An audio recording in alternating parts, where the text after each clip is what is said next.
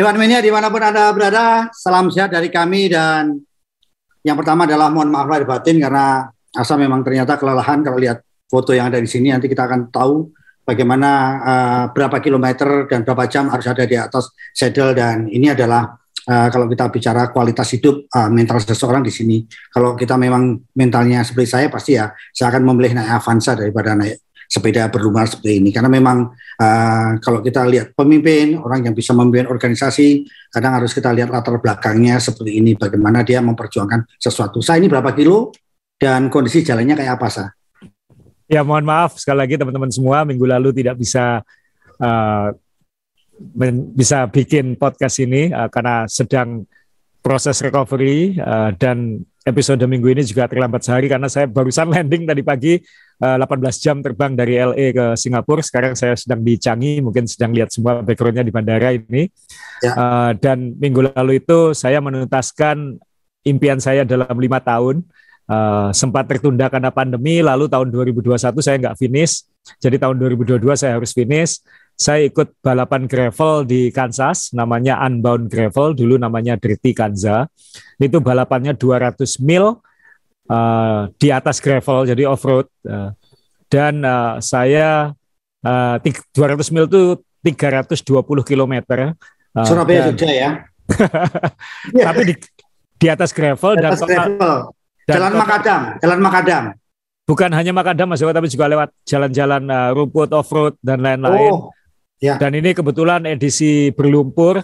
Jadi hujan enggak hujan enggak. Jadi, saya enggak kena hujan, yang depan kena hujan tapi saya kena lumpurnya ya. uh, sempat crash juga untungnya sepedanya nggak apa-apa jadi masih bisa lanjut uh, lukanya hanya kecil-kecil aja uh, kemudian uh, saya berhasil menuntaskannya dalam waktu 17 jam dan 7 menit yang nggak cepat juga nggak lambat karena cut off time-nya 21 jam jadi masih jauh dari cut off time uh, seharusnya bisa finish 16 jaman tapi karena kecelakaan kurang 35 mil dari finish agak terlambat sedikit. Tapi yang penting finish nggak punya utang di sana uh, dan ini uh, menuntaskan misi pribadi lah. Saya harus bisa mengalahkan ini gitu. Pesertanya sekitar total 4 ribuan orang uh, yang ikut 200 mile seperti saya 1.500an yang ikut uh, 100 mil. Istri saya juga ikut yang 100 mil itu uh, 1.500an juga. Yang lainnya kelas-kelas eksibisi juga ada nah Ya ini mohon maaf sekali lagi gara-gara saya balapan ini saya nggak bisa bikin podcast. Mungkin kalau di gambar ini mungkin kelihatan lebih jelas ya. Uh, lumpur semua itu. ini sudah sempat dicuci nih di pit stop terakhir tapi ternyata tetap berlumpur juga sampai finish. Ini finishnya jam 11 malam masuk start jam 6 pagi. Nah, teman-teman jadi uh, inilah uh, yang muda-muda jadi kalau kita memang ingin mencapai sesuatu ya seperti asa inilah gitu. jadi Dan Mas Dewo, saya ingin nyampaikan khusus ke kita melakukan ini menggunakan merek-merek Indonesia. All Indonesia ya. Jadi ya, ya saya menggunakan sepeda merek Wednesday, sepeda merek uh, saya sendiri dan partner saya John Bumiarjo. Uh, ya. Jadi sepedanya sepeda merek Indonesia, jersinya sub jersey buatan Surabaya, ya. uh, made in Indonesia dari kainnya pun buatan Indonesia ya. dan kita nutrisi supportnya dari Strive dan itu juga brand Indonesia. Jadi Indonesia, ya. uh, dan kita disupport Herba Mojo juga dan ada Antangin juga. Jadi semua uh, ini uh, benar-benar Indonesia yang membawa brand Indonesia tampil di event gravel paling bergengsi di dunia dan kita lumayan dapat perhatian masuk majalah majalah gravel, masuk ya. majalah uh, masuk interview media-media lokal juga. Jadi ya, ya kita senang.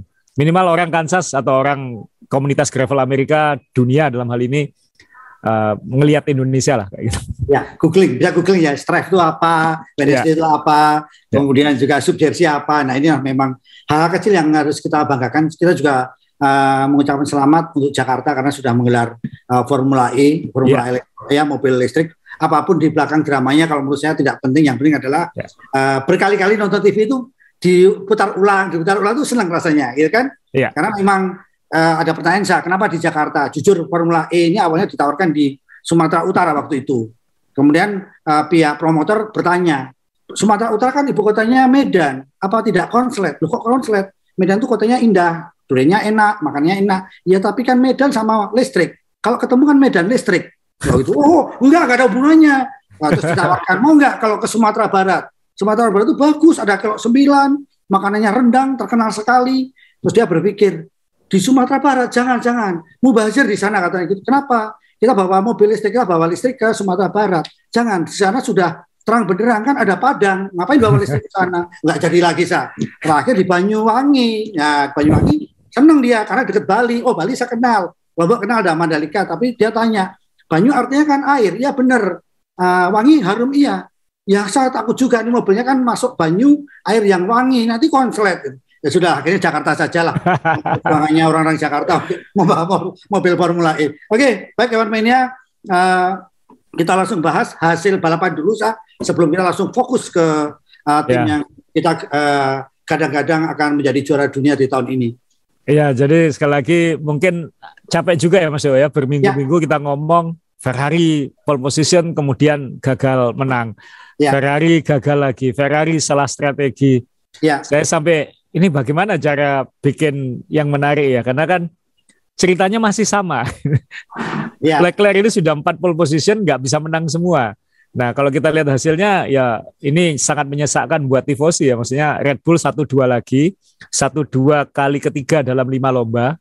Russell luar biasa, paling konsisten nomor tiga lagi. Hamilton uh, sampai sakit punggung finish keempat. Nggak ada Ferrari di empat besar uh, gas ya, papan tengah tema sendiri ya. Jadi ada ya. Gasly, Vettel, Alonso, Norris, Ricciardo, Ocon di bawahnya. Tapi cerita utama menurut saya bukanlah uh, ini uh, juga karena ini kita ngomong kita ngomong klasemen pembalap sekarang misalnya Verstappen makin jauh sekarang di atas ya. 150 poin, Perez sudah nomor dua, Leclerc yang digadang-gadang dominan di awal musim malah melorot ke peringkat tiga sekarang, malah agak jauh dari Perez, 13 poin dari dekat Perez. sama Russell. malah mendekat ke Russell. Iya. Sainz sudah kesalip Russell. Ya. ya. Jadi agak tragis kalau melihat uh, klasemen pembalap. Ya kita nggak usah ngomongin bawahnya dulu. Kita ke klasemen konstruktor ya. makin tragis lagi karena selisih antara Red Bull dengan Ferrari sekarang 80 poin. 80 poin. Berarti Red Bull nggak usah ikut dua lomba masih mimpin klasemen. So. Uh, minimal dua lomba ya. Kalau itu pun kalau Ferrari finish satu dua terus. Jadi Red Bull sudah punya tabungan poin begitu banyak dan ini bukan hanya Ferrari makin ketinggalan dari Red Bull. Lihat itu Mercedes sudah dekat juga dengan dengan Ferrari. Apa yang terjadi? Ini baru 8 lomba tapi sudah berbalik begitu cepat di awal musim ya. Ferrari begitu meyakinkan. Ya. Tiba-tiba dalam 4 5 lomba terakhir kok dia makin meragukan masih bisa juara dunia nggak ini? Kemudian kalau kita ngomong uh, Ferrari, ya nanti saya pengen di podcast ini ngomongin banyak Ferrari karena kita harus melihat ke depan kan Mas Yo. Ini setelah 8 lomba, mesinnya Leclerc aja udah meledak secara publik dua kali di Barcelona dan di di Azerbaijan. Uh, kita nggak usah ngomong sains. Lah berarti nanti ini seperti apa? Masih ada 14 lomba.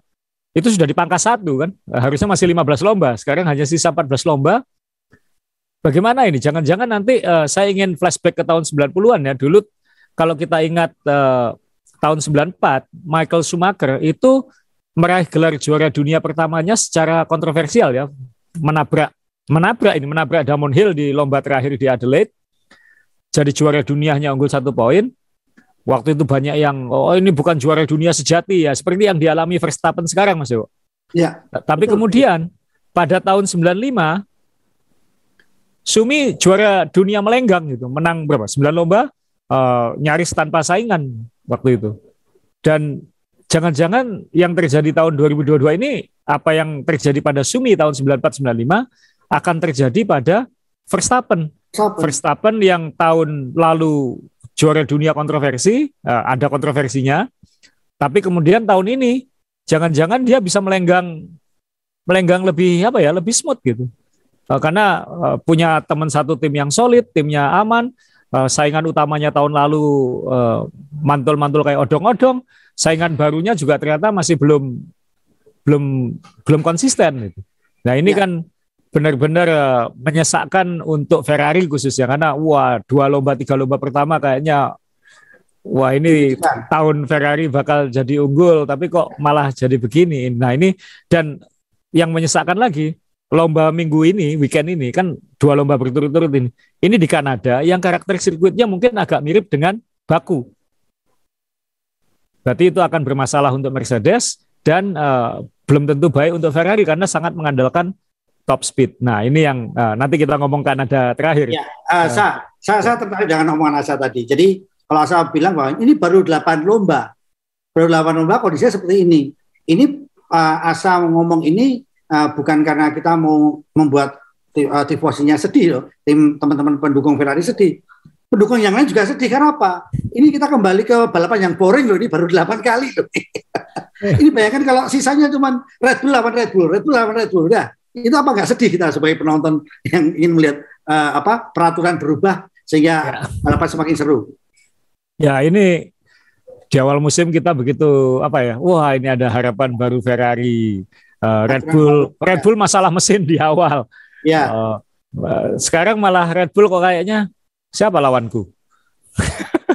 Sedangkan Ferrari sekarang kayaknya bingung. Saya ingin uh, apa ya? Kita harus menelaah lah ini nanti Ferrari setelah Azerbaijan kan sampai sekarang belum ada statement tegas mas. Ya kita harus maklumi ya karena kan mesinnya harus dibawa ke Italia bahkan mungkin nggak sempat analisis sekarang karena mobilnya harus langsung ke Kanada karena harus langsung ikut lomba weekend ini.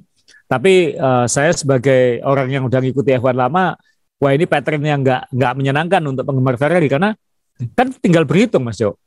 Tinggal berhitung Ferrari ini ke depan bakal bagaimana gitu. Uh, di Baku ini harusnya jadi ujian dia Uh, start, Oke, okay, startnya kalah si Leclerc ya, disalip sama Perez. Uh, tapi kan mungkin karena lombanya masih panjang, siapa tahu masih ada perlawanan. Apalagi waktu itu uh, di Baku kemarin uh, Ferrari memakai lagi sayap belakangnya yang uh, lebih low drag gitu ya, kayak yang di Miami. Wah kita lihat ini seperti apa uh, bersaingnya karena selama ini kan kalahnya di track lurus sama sama Red Bull. Tapi nggak kejadian. Kenapa? Baru 10 lap Sains sudah out. masalah hidrolik ya, bukan masalah mesin. Jadi uh, apa rem ya kalau nggak salah. Jadi sudah kayak nggak fungsi gitu. Uh, kemudian nggak lama yang paling menyesakkan kan Mas Dewo, asap keluar dari mobilnya Leclerc. Ya ini kan power unit jelas ini. Ya, ini ini internal combustion engine-nya, ini ICE-nya mesinnya. Ini berarti udah dua kali. Saya terus terang uh, langsung menghitung kan cuma punya jatah tiga mesin dalam satu ya. musim. Tiga mesin dua udah kelihatan bermasalah. Ya kan di Barcelona. Oke mungkin bukan bagian mesin yang sama, tapi kan alokasi komponennya kan dibatasi semua. Nah ini kan saya langsung cari uh, informasinya, cari datanya. Ya mohon ya. maaf saya belum sempat nampilin bikin bikin untuk di screen ya. Tapi ya. saya bacakan aja. Saya ingin terus nampilin asapnya mesin obat nyamuknya Ferrari ini ya, karena ini mesin obat nyamuk mahal ini. Uh, dari sisi ICE uh, internal combustion engine berarti mesin mesin yang yang mesinnya mesin tradisionalnya itu dia sudah menggunakan dua dari tiga. Hanya sisa satu untuk 14 lomba. Dua. Turbonya juga sudah pakai dua dari tiga. MGUH sudah kepakai tiga-tiganya.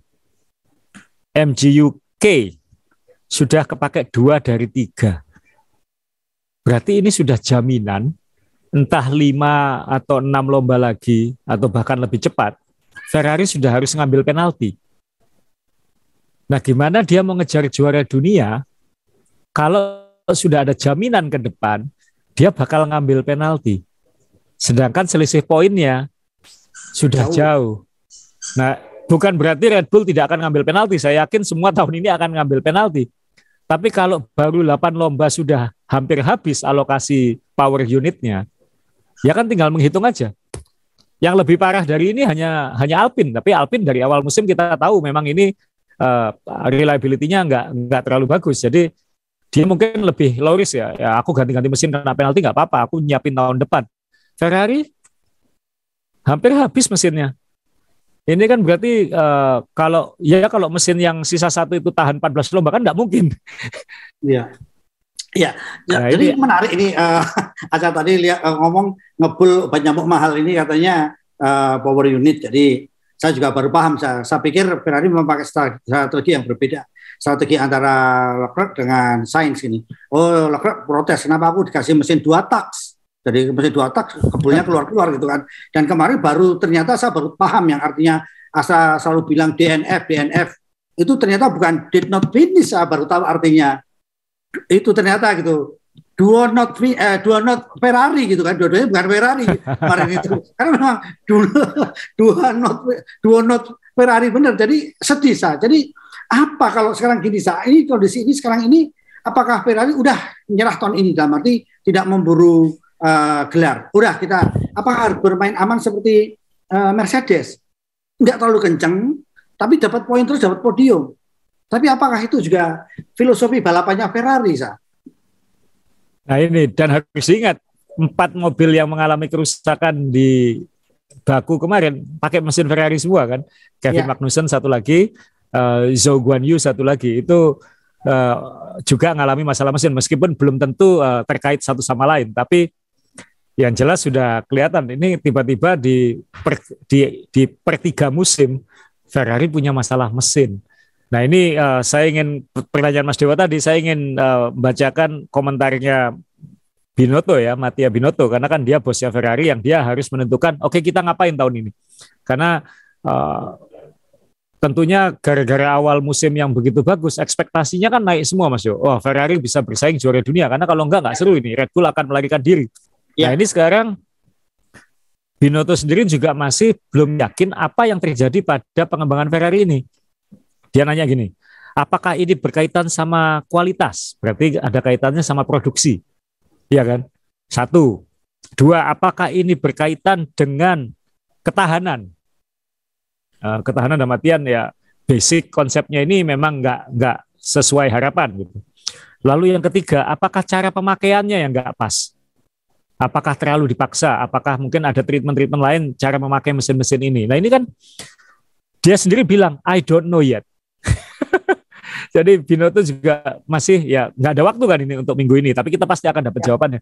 Jadi ada beberapa penyebab yang Ferrari sendiri masih melakukan investigasi. Ini penyebabnya apa? Kalau itu quality, berarti kan di pabriknya harus dipastikan kamu nggak boleh bikin mesin kontrol kualitasnya harus lebih baik lagi gitu. Oh, kan saya yakin masih dibuat di Italia kan, bukan kan kebanyakan made in Italy sekarang kan cuma labelnya aja made in Italy. Jangan-jangan ini mesinnya bukan buatan Italia kan? Di Cina mungkin ya saya. Lebih murah. jangan-jangan jangan-jangan mesinnya disubkan ini. Nah, yeah. kemudian yang kedua uh, ketahanan, berarti kan basic konstruksinya, arsitektur mesinnya. Jangan-jangan ini desainnya uh, tidak sesuai uh, harapan. Ini berarti harus ada analisis oleh tim uh, tim desain mesin uh, tim konsep mesinnya. Ini beda lagi kan, ini manufacturing, ini tim uh, desainnya, kemudian yang ketiga usage, ini tim balapnya. Kamu makainya udah bener atau enggak? Jangan-jangan kamu tidak sesuai uh, instruksi. Ini bilang RPM-nya segini aja, jangan dipakai sekian kilometer, manasinya harus kayak gini. Jangan-jangan pemakaiannya yang enggak pas. Ini ada tiga departemen yang beda-beda ini. Yang tim racing team kan nggak tahu pabriknya kayak gimana, dia nggak tahu konsep desainnya kayak gimana. Tapi tim desain juga nggak tahu uh, kualitas kontrolnya sesuai harapan atau tidak. Uh, tim pabrik, ya kan aku bikin desainnya dari kamu, yang make dia. Jangan-jangan bukan salahku, makainya salah. Nah ini ini cukup pelik juga kalau saya lihat kadang ngomongin mesin dan ini terjadi pada Ferrari yang semuanya di bawah satu atap. Ini ini akan seru karena dari situ saya juga mikir kalau saya jadi bos tim habis ini gimana ya? ya kan saya masih ada 14 lomba. Ya, kayak gimana sekarang? Ngambil penalti di mana? Uh, kalau nggak ngambil penalti, supaya penaltinya minimum gimana? Ini sirkuit yang tersisa uh, levelnya seperti apa? Ini kan nggak gampang. Jadi saya benar-benar nggak pengen jadi Binoto sekarang karena ini yang paling susah karena sudah cepat. Tapi Binoto juga ngomong dan ini omongannya Christian Horner di awal musim Mas Iwo. Saya lebih baik punya mobil yang cepat tapi memperbaiki reliability-nya daripada punya mobil yang yang nggak tahu harus diapakan supaya cepat. Oh Jadi, iya, ya. iya. betul betul juga ya. Iya, Red Bull di awal tahun kan kayak gitu. Ya saya lebih lebih gampang memper apa ya membuat mobil cepat Naikkan. reliable daripada mempercepat mobil. Ya. Dan Red Bull dapat dua-duanya ya.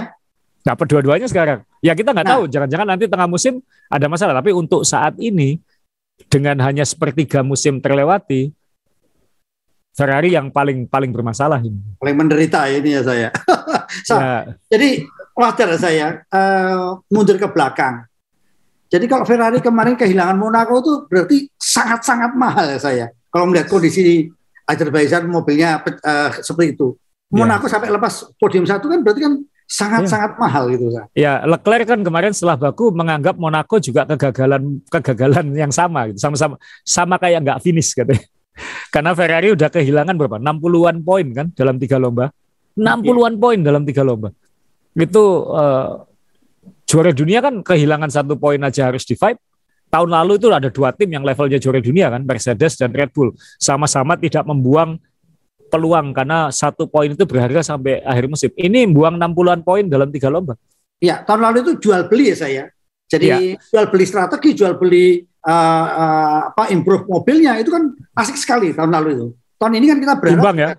Iya, iya kan? Jual beli, ya. jual beli, jual beli kan.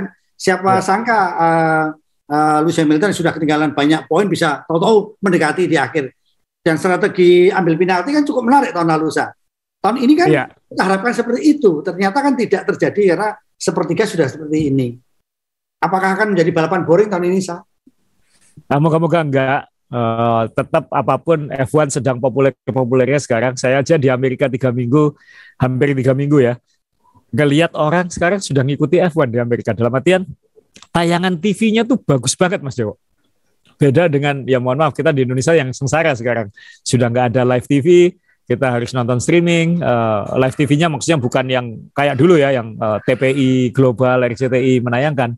Uh, kita uh, tidak seperti tahun lalu. Nah ini bukan hanya ditayangkan oleh ESPN, tapi ditayangkan semua, mulai latihan, uh, kualifikasi lomba dengan uh, pernak-pernik yang sangat detail uh, dia ngambil langsung Sky Sport dari Inggris itu. Jadi detail-detailnya pun sangat sangat apa ya, sangat kelihatan gitu. Jadi ada wawancara di baliknya segala macam. Wah, ini saya bilang wah enak sekali nonton F1 di Amerika. Pantas di Amerika populernya luar biasa sekali karena orang dan jamnya enak kan Mas Yo. Kalau Anda di di uh, tengah Amerika atau di timur Amerika itu minggu pagi jam 8, jam 9 bangun tidur bisa nonton, nggak ganggu. Saya kebetulan nonton baku ini di Los Angeles, jadi waktu itu jam 4 pagi tapi it's okay lah bangun jam 4 pagi nonton uh, itu kan kualifikasinya jam 7 pagi jadi nggak nggak apa nggak ganggu mau nonton apa lagi gitu kan. Nggak ada saingannya gitu. Bukan bersaing di prime time seperti di Indonesia kan bersaing di malam prime time. Wah saya bilang pantesan di Amerika booming. Sudah exposure dari Netflix membantu mendorong ditangkap oleh ESPN yang menayangkan itu secara detail. Jadi ya ini ini istimewa F1 ya moga-moga nanti uh, dengan boomingnya ini ya nggak bosen. Uh, saya kira sih mungkin tahun ini karena mungkin tahun lalu begitu heboh ya mungkin tahun ini kalau agak nggak heboh ya mungkin orang masih memaklumi tapi jangan sampai tahun depan seperti itu lagi. Itu yang tapi tetap kita berharap tahun ini nggak boring mas. Ya kalau nggak capek juga kita kan ngomongin ngomongin Ferrari kenapa ya? Ferrari kenapa ya? Ya. Ini aja kita sudah nggak ngomongin Red Bull yang luar biasa dominan. Padahal seharusnya kan tim yang dominan harus kita bicarakan sebagai apresiasi. Tapi ini kan fokusnya semua bukan ke Red Bull 1-2, tapi Ferrari kenapa? Ferrari kenapa? Itu yang yang uh, menyakitkan untuk untuk F1 gitu. Ya, jadi ini pemasok mesin Mercedes juga uh, bisa ketawa-ketawa, ya kan? Uh, Ferrari mesinnya jenisnya COVID kan, gampang nular kan? Ferrari mogok, yang lain ikut mogok kan? Alfa Romeo mogok, kemudian juga Haas juga mogok. Nah, saya sekarang uh, strategi Ferrari selain mesin. Ini kalau kita bicara kalkulasi, Leclerc sudah mulai kehabisan mesin, uh, sudah kehabisan sial. Nah, apakah Sainz tidak bisa jadi penyelamat di sini? Minimal mengganggu, mengganggu, mengganggu seperti itu sah. Ya ini kalau kita ngomong kayak gini ya sekarang harus fokus ke Leclerc Mas Joko karena kan sudah nggak ada ini sedih lihat matanya Leclerc. Uh, Sainz sekarang jadi secondary issue gitu kalau di awal musim kemarin bagaimana membantu Sains naik, sekarang bagaimana menyelamatkan supaya Leclerc tetap bisa jadi juara dunia kan. Prioritasnya langsung shift penuh. Jadi ya ini mohon maaf untuk Sains, Sains harus dikorbankan sekarang. Kalau perlu nanti selisih satu poin pun Sains harus pinggir supaya memaksimalkan poinnya Leclerc. Karena kalau kejuaraan konstruktor selisihnya 80 mungkin berat. Tapi ya. di kejuaraan pembalap siapa tahu masih ada peluang. Kan siapa tahu Perez mulai gigiti Verstappen misalnya. Kalau ya. Red Bull tidak tim order ya, kan ini masih awal musim. Jadi ya sekarang harus fokus bagaimana Leclerc bisa maksimal ke atas karena Sainz sudah terlalu jauh di belakang. Ini sudah harus mutlak support Leclerc sekarang. Dan itu itu oke okay, enak ngomongnya Mas Kita sekarang ya. fokus 100% Leclerc, bagaimana Leclerc poinnya maksimal. Tapi mesinnya bagaimana? Kembali lagi ke bisa nggak Leclerc finish? Karena tim juara dunia kan nggak boleh kayak gini. Ya, Binotto sendiri udah bilang, sekarang Ferrari sudah harus mulai mikirin pemakaian mesin sambil menunggu solusi, solusi jangka panjang. Jangka pendeknya kan nggak ada solusi masuk. Kan jatah mesinnya terbatasi, tapi nanti mesin barunya kalau itu penalti, mesin barunya harus lebih tahan banting supaya nggak kebanyakan penalti kayak gitu. Oke lah kita satu dua penalti satu penalti oke, tapi jangan sampai dua penalti misalnya. Bisa nggak? Saya nggak yakin. Saya yakin akan ada dua penalti minimal untuk Leclerc. Dua penalti karena masih ada 14 lomba. Anggap aja satu mesin lima lomba misalnya. Mesin yang sisa sekarang ini kan belum tentu selamat juga kan. kan dia otomatis sisa satu sekarang. Sisa satu ini mungkin sudah dipakai sebagian. Entah di babak latihan atau di kualifikasi. Ya kan kita nggak tahu. Nah ini tinggal uh, berarti dia dengan mesin yang tersisa plus mesin-mesin penalti. Binotto sudah bilang kita harus memikirkan dua hal ini. Satu, lower engine mode, berarti mesinnya dikurangi kemampuannya. Ya. Ini sudah merugikan. Dengan mesin yang kayak sekarang aja masih setengah mati melawan Red Bull, apalagi kalau mesinnya harus diturunkan kemampuannya. Itu satu. Dua, harus mengurangi engine mileage. Berarti harus mengurangi pemakaian mesin. Caranya gimana? Kalau babak latihan kemarin 29 lap, 25 lap per babak latihan, mungkin kita kurangi ke 15 20 lap per babak latihan supaya pemakaian mesinnya lebih awet. nah, itu kan itu kan juga merugikan. Berarti ya. kan tidak bisa maksimal menemukan setelan, tidak bisa maksimal menemukan uh, apa ya uh, window ban yang paling ideal karena kan ban sangat penting sekarang ini. Betul, Kalau latihannya kurang, dia nggak tahu pemakaian bannya seperti apa. Nah, dua-dua pilihan ini kan sama-sama milih racun kan, so, mau pelan tapi selamat, ya. atau keluarnya sedikit aja supaya selamat. Ya dua-duanya ya Red Bull ngelihat, oh bye bye, ya udah gitu aja mungkin, atau malah Mercedes ngelihat, oh aku tinggal kamu habis ini. Wah ini sulit. Uh, mohon maaf buat penggemar Ferrari, ini Ferrari sekarang kalau pinjam istilah bahasa Inggris, between a rock and a hard place. Jadi sini ngantem batu, di sini ngantem batu. Ya, dan dia harus melewati ini dulu sebelum uh, sebelum uh, lolos ke fase yang lebih baik mungkin. Berarti mesin keempatnya, mesin kelimanya itu yang harus harus istimewa untuk mengejar ketinggalan, bukan untuk bersaing, untuk mengejar ya. ketinggalan. Iya. Sa, uh, waktu Asa menampilkan foto uh, uh, Ferrari sempat Koji coba apa diam-diam di Maranello di trek lurusnya di Monza ya. Di, ya di Monza ya, di trek ya. lurusnya. Ini kan apa di situlah uh, istilahnya musibah itu berawal karena Ferrari mengejar uh, trek lurusnya sehingga mengorbankan uh, reliabilitasnya mesin atau keawetan mesinnya gitu ya. Ah, saya kira lebih kompleks itu ya. Uh, kan itu berarti dipakai 100 kilo. Um, entah tapi kan juga harus melakukan itu Mas Yo. Kalau enggak kan juga enggak bisa bersaing lagi. Ya, kan mesinnya performa untuk track lurusnya dinaikkan, tapi ya berakibat uh, mesin tidak uh, setahan sebelumnya gitu sa. Karena memang selama ini kan kalau di track lurus selalu kalah dengan Red Bull kan sa, selama Nah ini, itu dia. Uh, bisa jadi, uh, bisa jadi. Uh, meskipun waktu itu sebenarnya yang diuji sayapnya ya, karena ya. bagaimana menemukan sayap yang downforce-nya sama, tapi tahanan drag-nya atau tahanan track lurusnya itu berkurang. Kan uh, downforce itu kan menekan mobil ke bawah, ya. tapi di dalam situ ada komponen yang namanya drag. Drag itu kayak ngasih tahanan angin yang nahan supaya nggak bisa kenceng. Nah ini gimana caranya supaya downforce-nya tetap tinggi, tapi drag-nya ini berkurang. Ini yang jangan begini tapi begini misalnya. Nah ini yang resep paling sulit karena kan ilmu aerodinamika itu ilmu milih racun, milih milih apa ya? Milih milih masalah. Mau trek lurusnya kenceng nggak bisa belok atau beloknya kenceng tapi nggak lurus. nah gitu. Nah ini sangat sulit menemukan uh, low drag tahanan tahanan trek lurusnya rendah sambil menjaga downforce. Itu resep ya. yang ditemukan oleh Red Bull. Dan kayaknya yang ditiru, yang meniru Vettel kan mulai bagus kemarin. Dia ya. seharusnya bisa lima besar itu dengan performanya Aston Martin yang Red Bull hijau itu. ya, ya.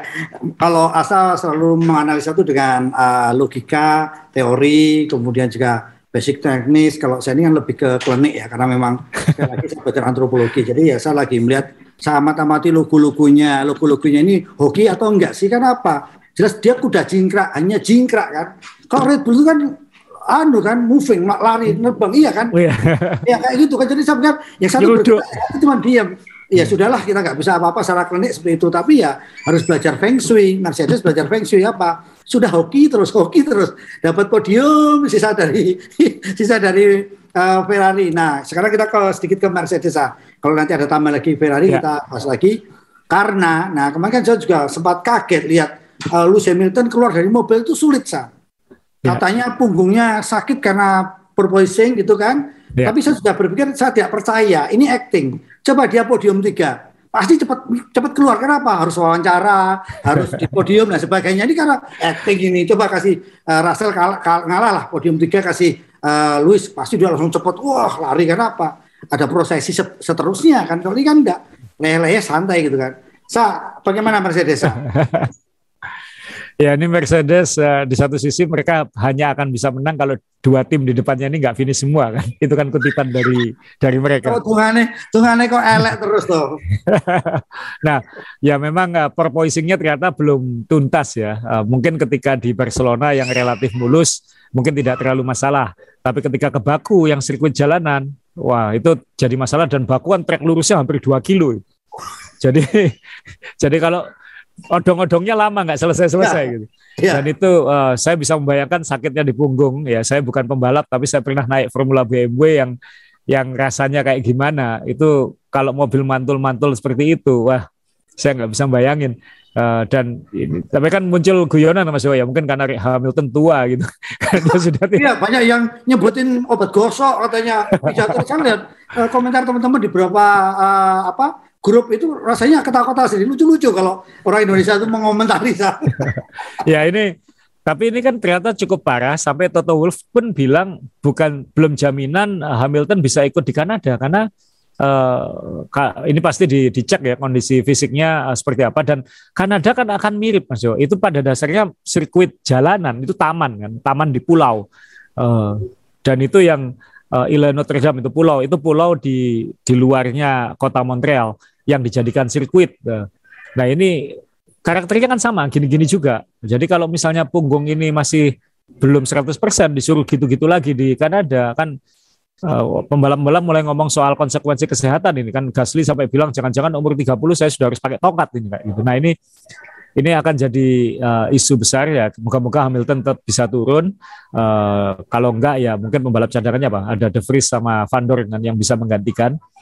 Uh, dan ini menunjukkan juga Mas Yo motivasinya Hamilton ya kan sudah aku udah nggak mungkin juara dunia, aku menang aja sulit. Ya kalau daripada badanku remuk lebih baik aku aku istirahat dulu ya di Kanada nanti betulin mobilnya nanti aku turun lagi di balapan berikutnya. Kan kita nggak tahu bisa-bisa aja kayak gitu.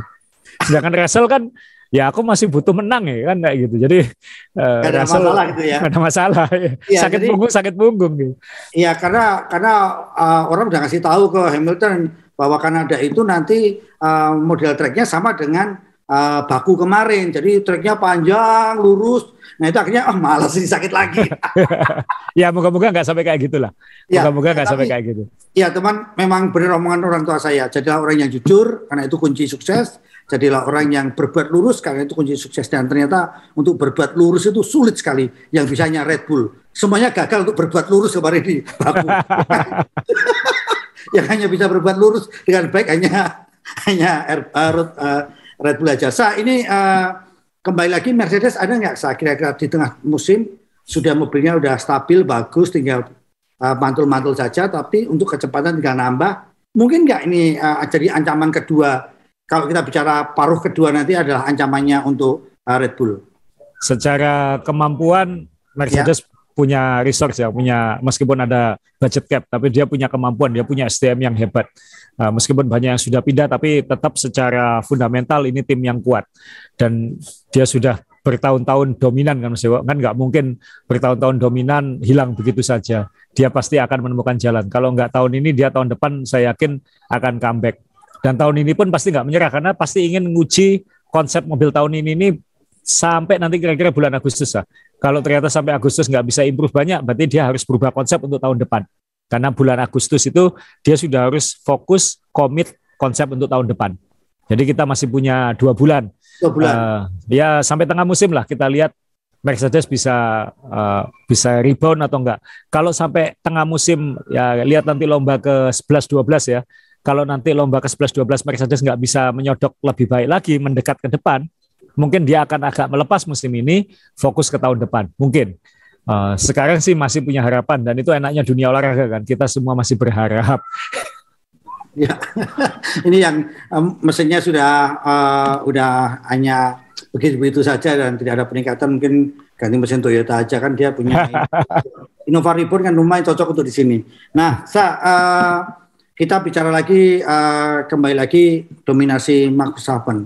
Uh, yakinkah uh, karena orang kemarin sempat uh, menduga pada saat kemarin sempat ada juga uh, di radio kalau no fighting gitu kan. Saya paham lah karena karena ini bukan di halu uh, apa dia mana ya ini kan ini ini kan demi tim gitu kan. Uh, ke, uh, kemudian juga uh, satu lagi yang cukup menarik adalah di Monaco kemarin uh, Perez sudah dikatakan bahwa kamu juga punya hak yang sama, kayak kecepatanmu sama, kamu punya hak yang sama untuk menyamai Max Verstappen. Di kualifikasi Perez selalu menjanjikan sah. Ya. Ya kan? Ya. Tapi dalam balapan saya masih ragu. Uh, karena motivasi Max Verstappen ini yang luar biasa. Kalau Asam lihat bagaimana sah?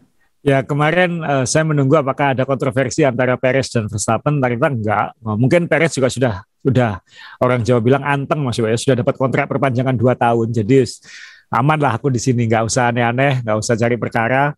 Uh, yang jelas startnya bagus, mimpin, tapi Perez pun ngakui kalau pace-nya Verstappen sebenarnya lebih cepat. Uh, khususnya menggunakan ban medium. Entah kenapa Perez ban mediumnya lebih cepat habis daripada Verstappen dan Perez uh, ketika kesempatan pit stop pertama yang uh, virtual safety car pertama itu dia ngakui telat ngambil keputusan. Jadi dia dia langsung belak-belakan bilang ya salah harus ngakui kalah cepat juga dengan Verstappen jadi dia sangat layak untuk menang. Jadi tidak ada kontroversi sama sekali dalam hal ini di di Red Bull. Uh, dua pembalap ini sedang harmonis-harmonisnya uh, sama-sama punya jaminan beberapa tahun ke depan bersama jadi nggak ada gunanya berantem sekarang. Uh, dan eh, Perez sekarang yang bisa dilakukan Perez sekarang adalah poinnya nggak selisih banyak sama Verstappen. Segalanya masih bisa terjadi. Siapa tahu nanti akhir musim dia juga punya kans untuk jadi juara dunia dan dikasih kesempatan oleh Red Bull untuk fight. Karena kalau sudah dua-duanya sama-sama jauh tapi poinnya berdekatan kan buat Red Bull nggak nggak ada ruginya mereka bersaing. Ya, ya yang juara dunia Perez atau yang juara dunia uh, Verstappen kan nggak ada bedanya. Yang penting sama-sama juara dunia dan satu dua. Nah sama seperti Mercedes waktu Nico Rosberg dan Lewis Hamilton itu. Nah ini uh, kita harus uh, sekali lagi ini masih 8 lomba. Uh, siapa tahu uh, Verstappen gagal finish dua kali dan Perez menang dua kali kan langsung berbalik. Ya. ya kita kita lihat. Tapi yang jelas Perez tahun ini luar biasa solid ya. Uh, secara qualifying sudah bisa ngimbangi Max uh, secara lomba uh, ya sudah nggak jauh-jauh amat dua pembalap ini paling solid tahun ini uh, dua yeah. pembalap ini plus Russell lah itu yang paling solid tahun ini menurut saya. Ya, jadi waktu Asa ada tulisan no fighting itu apa yang ada benar di benar Asa? Uh, kalau saya jadi tim ya pasti bilang jangan fighting, apalagi ini sudah nggak ada saingannya Mas Yo. Jadi mending main dan harus diingat Red Bull masih punya masalah DRS ya. Uh, itu ke, ter, terjadi pada Alfa Tauri kan, sehingga Tauri, ya yang bikin kan sama itu kan satu satu saudara. Nah ya. langsung kan di akhir lomba kan Verstappen dikasih tahu jangan pakai DRS uh, untuk main aman kayak gitu. Nah ini nggak pakai DRS udah jauh kok. Kalau udah kayak posisi kayak gitu tuh kan enak masuk dalam artian tidak kepepet uh, tidak tertekan oleh lawan. Jadi sesuka semau gue uh, lebih aman. Jadi saya juga waktu itu sempat kupikir waktu no fighting. Oh iya ya ini kan baku bukan Holy Wings. Kalau di Holy Wings kan memang ada fighting. Ini kita uh, Binsani lawan uh, Dinar Candy itu ya udahlah itu. Tapi yang jadi pertanyaan saya, jadi ini menarik loh saya. Uh, mena Honda juga menarik saya mati. Bagaimana waktu kualifikasi kalah, bagaimana sekarang balapan saya memberi tekanan kepada Ferrari. Ini bukan tekanan lagi sekarang ini yang diomongin, tapi ini strategi menarik dalam Formula One sekarang ya saya saling menekan kayak tahun lalu itu kan jual beli jual beli jual beli wah sampai kita tuh ikut stres. Yeah. ya kemarin itu kan waktu meledas udah udah kita langsung udah. Semuanya yeah. teman-teman langsung aduh lemes ya mas lemes lemes yeah. makan. Kasihan gitu. Nah tekanan-tekanan semacam ini kan bukan sekedar kita ngomongin mesin kita ngomongin tapi juga pembalap kan. Saya ini kan uh, saya works di olahraga ini boleh-boleh saja gitu kan. Ya yang jelas buat sekarang Red Bull sekarang sih sangat tenang masuk udah lebih lebih rileks dalam menghadapi lomba karena lawan-lawannya yang bermasalah. Kita sejauh ini no problem. Uh, sekarang bagaimana caranya memastikan tidak uh, tidak ada problem ke depan. Apakah kita sekarang masih harus agresif dalam mengembangkan? Apakah sekarang kita bisa lebih ngerem dalam pengembangan, fokus ke ketahanan uh, sambil mulai mikir tahun depan karena kita nggak nggak terpresur untuk berkembang tahun ini. Dan itu akan membuat Red Bull lebih berbahaya lagi tahun depan. Nah ini posisinya Red Bull sedang enak-enaknya ini. Apalagi mau masuk musim panas ya, mau masuk Juli Agustus di saat semua tim harus memutuskan tahun depan ngapain. Enak posisinya Red Bull. Dia Nah, nah saya tertarik saya. Ini kan juga di F1 itu kan ada tradisi kalau sudah dapat uh, apa mobil yang bagus, pengembangannya ke depan tuh selalu bagus dan selalu dominan. Ferrari menang waktu uh, ngalahin McLaren begitu sulitnya setelah menang lima kali. Uh. Red Bull juga begitu. Ya. Uh, kemudian uh, Mercedes juga begitu. Nah, saya juga berpikir tahun depan ini Red Bull juga bukan tim sembarangan gampang dikalahkan. Apa betul gitu, saya? Karena basicnya ya. udah ya basic mobil bagus gitu. Iya, karena basic yang bagus itu ngembanginnya kan lebih mudah Mas Yo. Dia bisa fokus ke kelemahan-kelemahan. Uh, dalam hal ini Red Bull mungkin aman ya untuk tahun depan minimal. Uh, minimal nggak akan jelek. Ferrari mengutip Binotto lagi lebih gampang membuat mobil cepat reliable daripada membuat mobil jadi cepat. Jadi minimal Ferrari nggak akan jauh-jauh amat gitu. Karena dia bisa fokus ke kelemahannya apa, apa pun kalaupun dia tidak juara dunia tahun ini, ini sudah tahun yang sukses buat Ferrari karena sudah lebih baik dari beberapa tahun sebelumnya. Sudah kembali ke jalan yang benar. Positifnya kan gitu. Tinggal oke okay, memastikan yang bermasalah tahun ini tidak terulang tahun depan. Dia bisa fokus ke situ. Yang lebih sulit kan Mercedes Mas Joko, karena dia belum tahu mobilku ini masalahnya apa. Masalah fundamentalnya di mana. Nah, ini yang yang nanti tantangannya lebih besar di Mercedes daripada di Red Bull dan Ferrari. Ini akan sulit untuk Mercedes, untuk McLaren. McLaren yang mobilku ini kayaknya nggak apa-apa tapi nggak cepat. Ini kan lebih sulit. Iya. Nah yang lain-lain mungkin lebih lebih nating tulus ya kayak gitu. Nah ini ya, yang ya. kalau kita lihat ke depan kira-kira trennya kalau ngelihat benar Mas Yo, kalau kita ngelihat tren-tren formula masa lalu ya kayak gitu. Ya, saya baru saja dapat eh, baca di internet ini saya benar omongan Asa tadi Ferrari memang sedang diproduksi atau di divisi race atau apa tadi. Sudah ada jawabannya uh, Ferrari salah. Uh, jadi itu yang dimasukkan mesinnya dari divisi drag race. Jadi memang kualifikasinya memang jago gitu. Jadi kalau itu balapan udah. Saya, saya tertarik dengan omongan Asa soal Aston Martin sa. bagaimanapun juga Vettel kemarin luar biasa uh, ya. dalam arti mobilnya luar biasa menurut saya dalam arti kalau kita lihat sebelum dia sempat dia sempat bikin salah loh itu, tapi kemudian ya, bisa ya. ke depan. Oh, ya. Iya, sa. Dan itu ya, saya tuh sampai mikir sa, selalu pembalap itu selalu masuk di gang yang salah itu kan. Tahun lalu kan Hamilton kan. Saya tuh sampai googling tuh, ini tuh di gang ini apa bener ada yang jualan bakso enak itu kok semua pada ke situ gitu loh. Ada yang ngawi-ngawi masuk. Iya, maksudnya ada jualan bakso enak ini gitu. Nah, hmm. saya uh, kalau melihat Aston Martin bagaimana sa? Iya ini minimal Aston Martin improve langsung ya dengan konsep mobilnya uh, Red Bull terus terang. Nah ini uh, siapa tahu bisa jadi propeller mereka untuk menyodok di tengah lebih baik lagi. Tapi kita masih harus melihat nanti seperti apa. Tapi kalau ngelihat dia di baku bagus, seharusnya di Kanada lebih bagus. Plus harus diingat bosnya Aston Martin orang Kanada. Lawrence Stroll orang Kanada, Lance Stroll orang Kanada, sehingga itu akan jadi home race-nya dia. Jadi kan khususnya Lance Stroll ya yang yang kemarin membuat kesalahan terus Salah ini ya. harus harus menunjukkan di kandangnya. Ini kebetulan dua pembalap Kanadanya nggak meyakinkan semua ini kan Lance Stroll sama Latifi ini. Nah ini Kanada sudah absen sejak 2019 kan. Ini setelah dua tahun kembali harusnya jadi uh, semangat untuk uh, Aston Martin dan mungkin Williams. Ya kak, saya sih kalau melihat trennya dari tim papan tengah ini yang yang trennya improve ya Aston Martin setelah Men, setelah menjiplak uh, Red Bull. Iya, itu menjiplak atau karena memang ada orang Red Bull yang di hire sebelumnya? Alah, jiplak lah Mas Yo, nggak mungkin oh, enggak itu. Terlalu mirip untuk nggak jiplak. Maksudnya kan tinggal bahasa bahasa bahasa PR-nya aja seperti apa, tapi kita harus semua jiplak.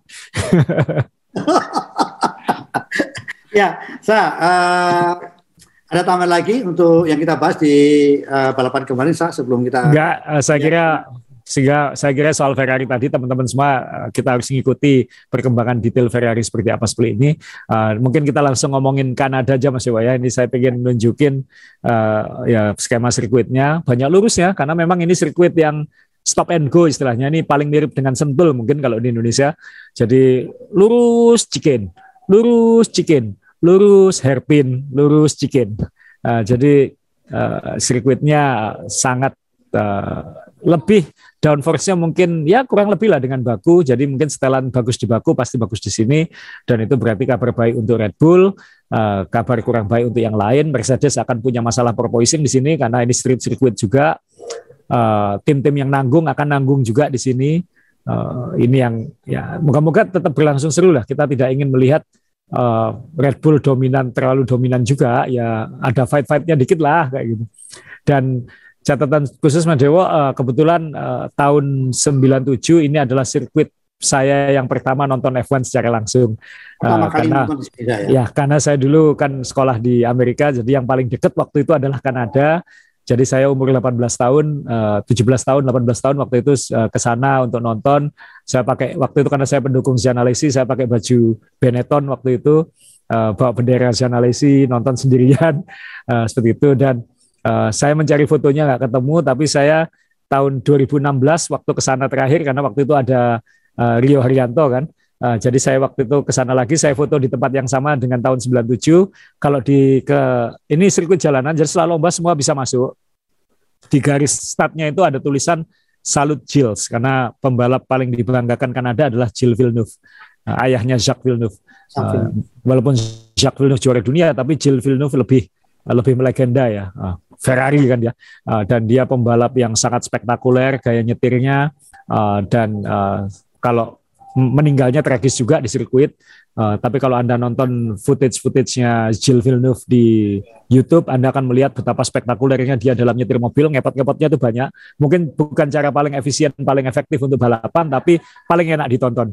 Uh, mungkin anda bisa melihat itu dan tahun 2016 ini saya waktu itu ngajak keluarga karena waktu itu saya juga sekolah waktu itu ngambil sekolah lagi di di Boston sekolah ya. bisnis ya uh, sekolah eksekutif uh, kemudian di mana uh, saya tadi saya Boston di ya? Harvard ya di Harvard oh. pas waktu itu oh di Harvard kamu bilang wah di Boston berarti kan apoteker jualan obat oke lanjut saya ya jadi waktu itu saya bawa anak-anak saya uh, nonton di sini ini yang paling kiri kenalin saya yang ya. kiri oh. yang paling yang paling besar itu Ayrton Arton uh, namanya Ayrton nih teman-teman kalau iya. ya tahu nama-nama anaknya Asa. Kemudian sekarang sudah sekarang sudah 14 tahun, sudah hampir sama kayak saya tingginya. Kemudian ya. yang tengah ini yang paling kecil namanya Andretti. Ya. Mario Andretti. Kemudian yang paling kanan yang jaket hijau ini Alessi, uh, Alessi. Pembalap, pembalap favorit saya juga Alessi. Jadi ini Ayrton, Andre, Alessi dan Andretti uh, ikut turun ke sirkuit lari-lari. Tapi waktu balapan tidur mereka katanya. saya kan saya waktu itu kerja di media center, mereka nonton di tribun utama sama istri saya namanya uh, ibunya. Uh, dan waktu itu uh, karena waktu itu saya ke sana pas ada Rio juga, mumpung saya nggak jauh, saya terbang ke sana sekalian liputan. Dan waktu itu ketemu teman-teman dari Honda Indonesia, ya. uh, Honda Prospect Motor waktu itu ada Pak John Fish ini yang sebelah kiri dengan manajernya Rio, Pierre Suniset, ada Pak ada Pak Wendy juga di sini dari Honda ya. Surabaya Center, sebelahnya Rio, ada Pak Bijung sebenarnya mungkin yang belakang ini kayaknya. Nah ini jadi waktu itu kebetulan banyak orang Indonesia juga ke situ. Uh, dan ada waktu itu ada masih ada Rio ya uh, balapan di Manor. Ini foto Manor. di depan garasinya Manor ya. Uh, seperti itu. Jadi ya ini ini Kanada kalau teman-teman uh, pengen nonton F1 langsung saya selalu bilang paling enak itu Melbourne karena memang street circuit di jalan gampang diakses. Jill Villeneuve ini mirip karena dia juga di pinggir kota. Bedanya kalau Albert Park di di kota, uh, ya. pinggir tapi masih di kota, ini di pulau di pinggir kota seperti itu. Nah ini uh, ke sananya gampang, bisa pakai tram, nggak harus pakai mobil, uh, transportasinya gampang, kotanya juga lumayan menarik, uh, kota Kanada tapi berbahasa Prancis. Ini juga salah satu tempat yang yang asik untuk untuk nonton nonton F1 dan ya. suasananya, pasti ya. suasananya sangat F1. Nah, kalau kembali ke sirkuit tadi, sa, uh, ya. strategi apa yang harus digunakan oleh para tim untuk memenangi ini? Kalau nggak salah kan dulu saya ini kan memang selalu nonton teman-teman, tapi kalau selalu inget-inget, saya paling males itu. Pokoknya kalau nggak salah kan ada itu tengah malam nontonnya, terus ada tembok yang kita nggak boleh nempel tembok. Nah itu kan dulu gitu saya kan. Iya dan itu sangat sangat apa ya, sangat buat orang Indonesia sangat gaya nanti kalau nggak salah jam 1 jam 2 pagi nih nanti. Ya. Uh, tapi ini sirkuit terkenal satu lagi banyak juara-juara termasuk Janalisi menangnya satu-satu kali menang di sini. Uh, secara mobil sebenarnya tidak terlalu melulu karena tidak ada naik turunnya Mas Ini benar-benar ya. di taman kayak Albert Park lah. Ya. Tapi ada tikungan 13 14 sebelum garis start itu ada yang namanya Wall of Champion kan. Nah, karena dia tembok tadi uh, Betul, chicken kanan kiri cepat, yang kanannya itu tribun, jadi nggak bisa digeser lagi. Dan itu hampir semua juara dunia pernah tabrakan di situ. Nah itu yang yang terkenal di situ Wall of Champion dan tempat menyalipnya lumayan banyak. Tikungan terakhir 13-14 ini tempat nyalip. Uh, lalu uh, apa namanya uh, hairpin tikungan 10 ini juga tempat nyalip. Tikungan satu agak susah tapi sesekali juga bisa. Tikungan 8 juga bisa. Ya, lah. Uh, apalagi dengan DRS ya ini mungkin bisa ngasih kesempatan untuk untuk overtaking. Dan uh, kalau tidak mobil yang cepat akan tertahan mobil lambat dan jadi kereta-keretaan gitu mungkin. Uh, tapi harusnya enggak lah, harusnya lebih bisa salip penyalip di sini. Ya. Dengan catatan mungkin kalau Red Bull sudah start di depan dari awal, ya mungkin uh, dada langsung langsung dominan banget di sini. Ya, sa ini kan uh, DRS begitu dibutuhkan di sini karena memang banyak uh, trek-trek lurusnya. Sementara kita lihat beberapa lomba terakhir ini kan dia itu selalu mewarnai problem di Max Verstappen, Sunoda. Kita belum tahu juga yang lainnya gitu. Karena atau yang lainnya nggak diber, kalau yang lainnya mungkin bermasalah tapi nggak diekspos karena apa ya mobilnya nggak kenceng biarin aja gitu kan. Mobil kenceng. yang lain nggak bermasalah mas. Yang bermasalah memang memang uh, keluarga Red Bull. Kayaknya ada sistem DRS-nya itu yang nggak sempurna mungkin kayak gitu itu yang ya mungkin penyakitnya dia itu tapi lebih baik punya penyakit itu daripada mesin yang berasap kan ya Nah, kalau untuk strategi ini berapa pit stop dengan layout semacam ini, Sa? Biasanya ini cukup boring, Mas Yo. Biasanya hanya satu stop, biasanya. Uh, tapi sekali lagi kalau terjadi safety car, virtual safety car bisa berubah semua. Dan ini sirkuit juga ngasih kesempatan untuk gambling.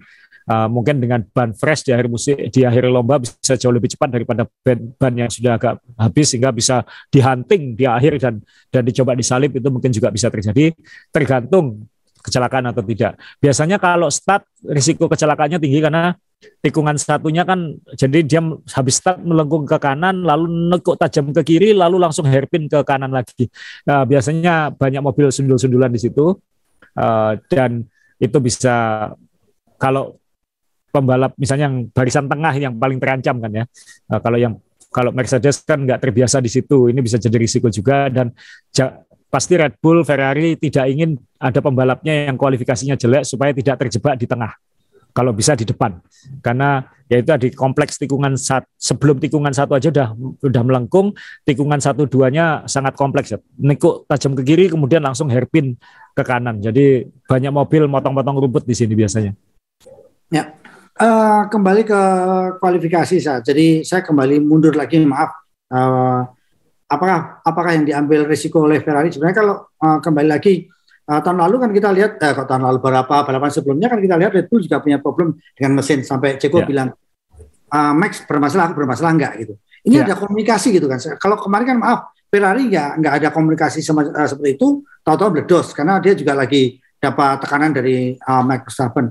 Apakah juga karena ini soal marketing, kepiaran, uh, Ferrari mengambil, tahulah kalau mesinnya nggak akan awet, udah kualifikasi hajar, kalau bisa pole position. Jadi kalau nanti gagal pun orang, aduh, pole position tapi kok gagal, pole position ya. tapi kok salah. Apakah ada saya, unsur itu atau murni?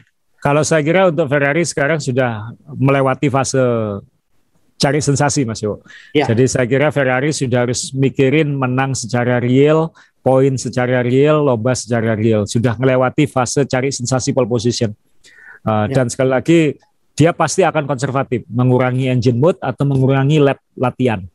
Saya kira itu sudah ya. akan langsung terjadi di Kanada. Uh, dan itu berarti mengkompromi peluang mereka merebut pole position di hari Sabtu. Tapi ya. kan lebih baik tidak full tapi finish dapat poin banyak daripada dapat full tapi ya kayak kemarin nggak ada poin sama sekali. Apalagi mereka tidak hanya memikirkan Red Bull, tapi Mercedes ini kan terus menggigiti dari belakang. Ya. Itu. Jadi kan jangan sampai dia melorot ke peringkat tiga kan gitu. Lebih baik, oke okay lah nomor dua apa pun peringkat dua itu hadiah uangnya lebih banyak. kan yang dinilai uang konstruktor. Jadi untuk performa perusahaan sebagai Binoto sebagai prinsipal kan juga harus pakai topi CEO kan. Kalau aku ya. mau dapat dapat penghasilan lebih, aku harus peringkat dua konstruktor, jangan sampai peringkat tiga gitu. Ini motivasi yang harus kejar juga saya ya uang Mas Dewo. Uang, apa pun uang gitu ya. Nah, kalau kembali lagi berarti asal sampaikan tadi ini mobil yang mentul-mentul akan terus seperti itu yang yang terjadi di Kanada ya saya. Saya kira masih akan terjadi ya. karena tidak ada waktu untuk mengubah antara Baku dan Kanada. Jadi Mercedes akan punya masalah sama. Uh, hampir copy paste masuk antara Baku dan Kanada ini. Uh, hampir copy paste. Makanya ini prospek yang kurang menarik untuk Ferrari, untuk Mercedes. Ya. ini ini hanya prospek menarik untuk Red Bull. Iya, jadi saya jadi teringat uh, teori evolusi ini. Rasa, rasanya salah teori evolusi yang dulu dari primata yang bungkuk, kemudian jadi manusia, Homo sapien berdiri, kok jadi uh, Mercedes lagi gitu kan, bungkuk lagi. jadi evolusi manusianya udah udah salah ini.